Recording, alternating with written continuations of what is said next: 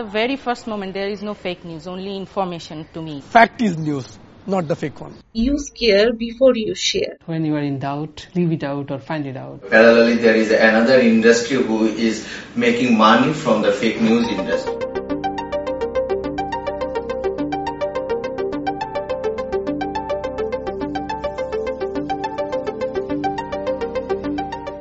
As the writer and director, I engaged two undergrad journalism students to pick some fake news related stories from English newspapers in Bangladesh.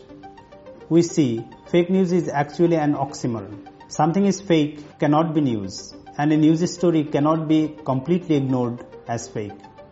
Like in many other countries, the issue in Bangladesh has got tractions with the emergence of social media.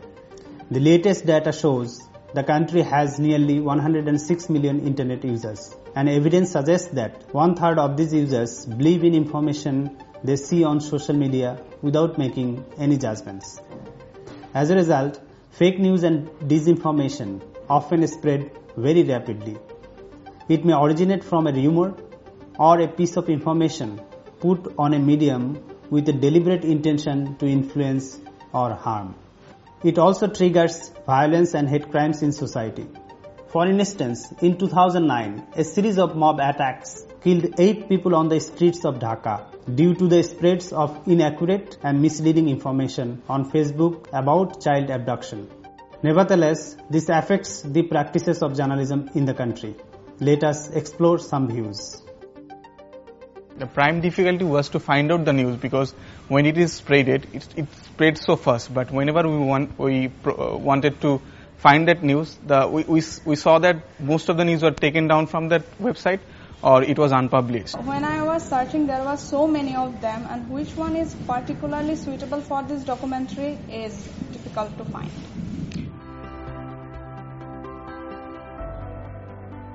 Fake news is a global problem.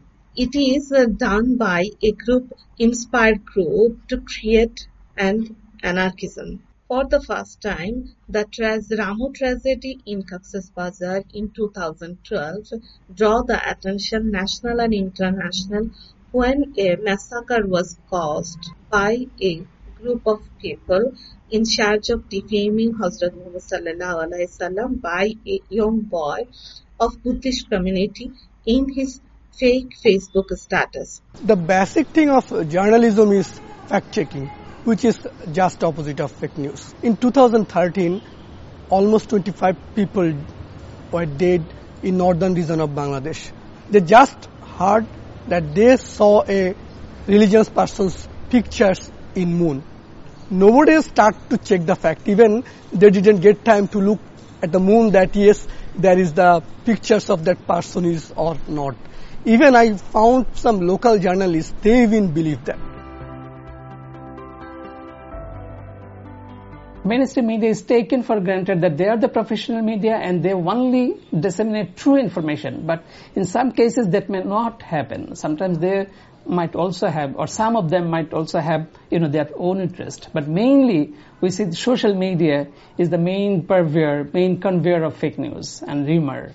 Practicing journalists should provide more comprehensive news with additional unbiased insights. The very first moment there is no fake news, only information to me, and I need to judge uh, is that news worthy or not. Whenever I see uh, any news or information that comes through social media and it captioned like uh, please share and spread the news i immediately think it's a fake news i often have to report live. So once uh, i was reporting live from a mob public mob actually uh, students were demonstrating and whole dhaka city was collapsed by their demonstration. So i was at the center of the point and somewhere nearby there was a clash between police and those students.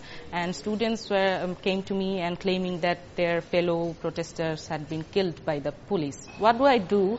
I explained the situation to my audience that uh, these students are claiming their um, uh, their classmates had been dead, but I found no dead body. Official didn't confirm any killing, or I checked the near hospital, nearest hospital.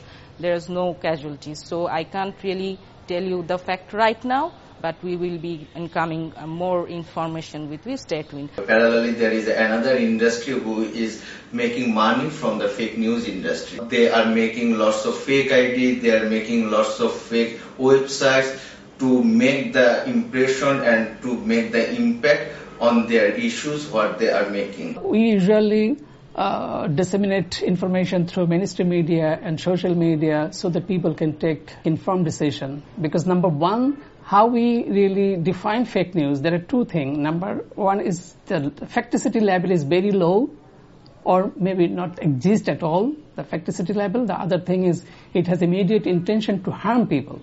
Each and every news media house must have fact checker in their house. We have a proverb like proverb like uh, word in journalism that when you are in doubt, leave it out or find it out.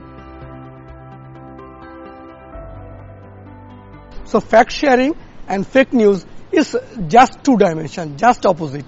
If somewhere it becomes parallel or it mixes each other, that means the whole thing is just destroyed. The more strange the news or the information, I check for uh, more sources.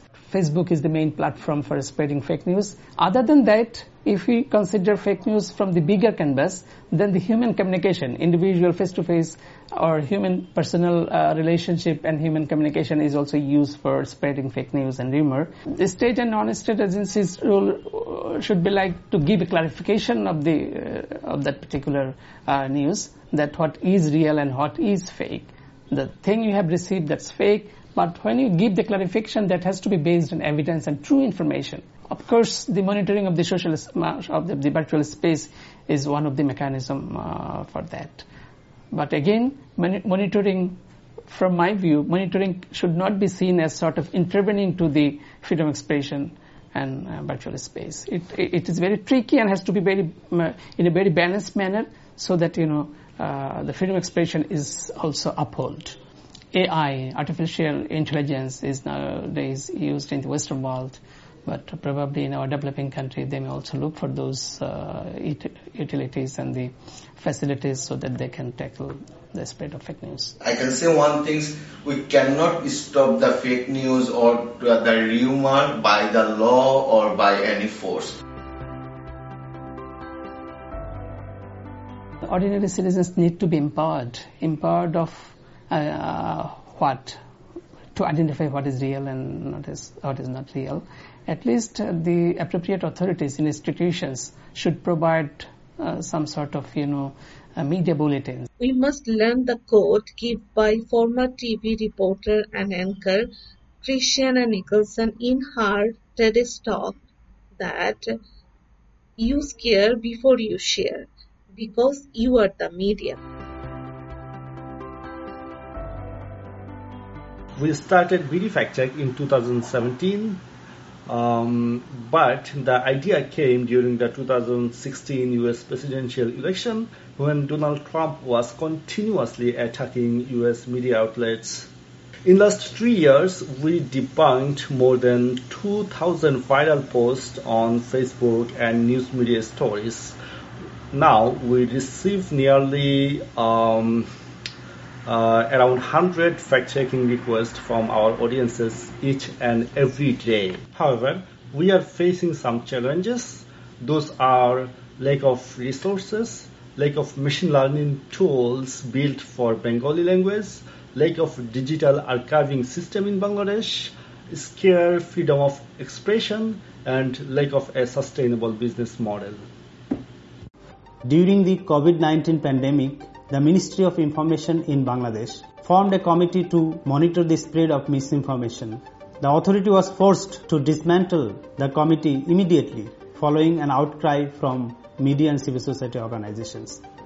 How to deal with fake news and disinformation now remains open for discussions and innovative solutions not only in Bangladesh but also across the world.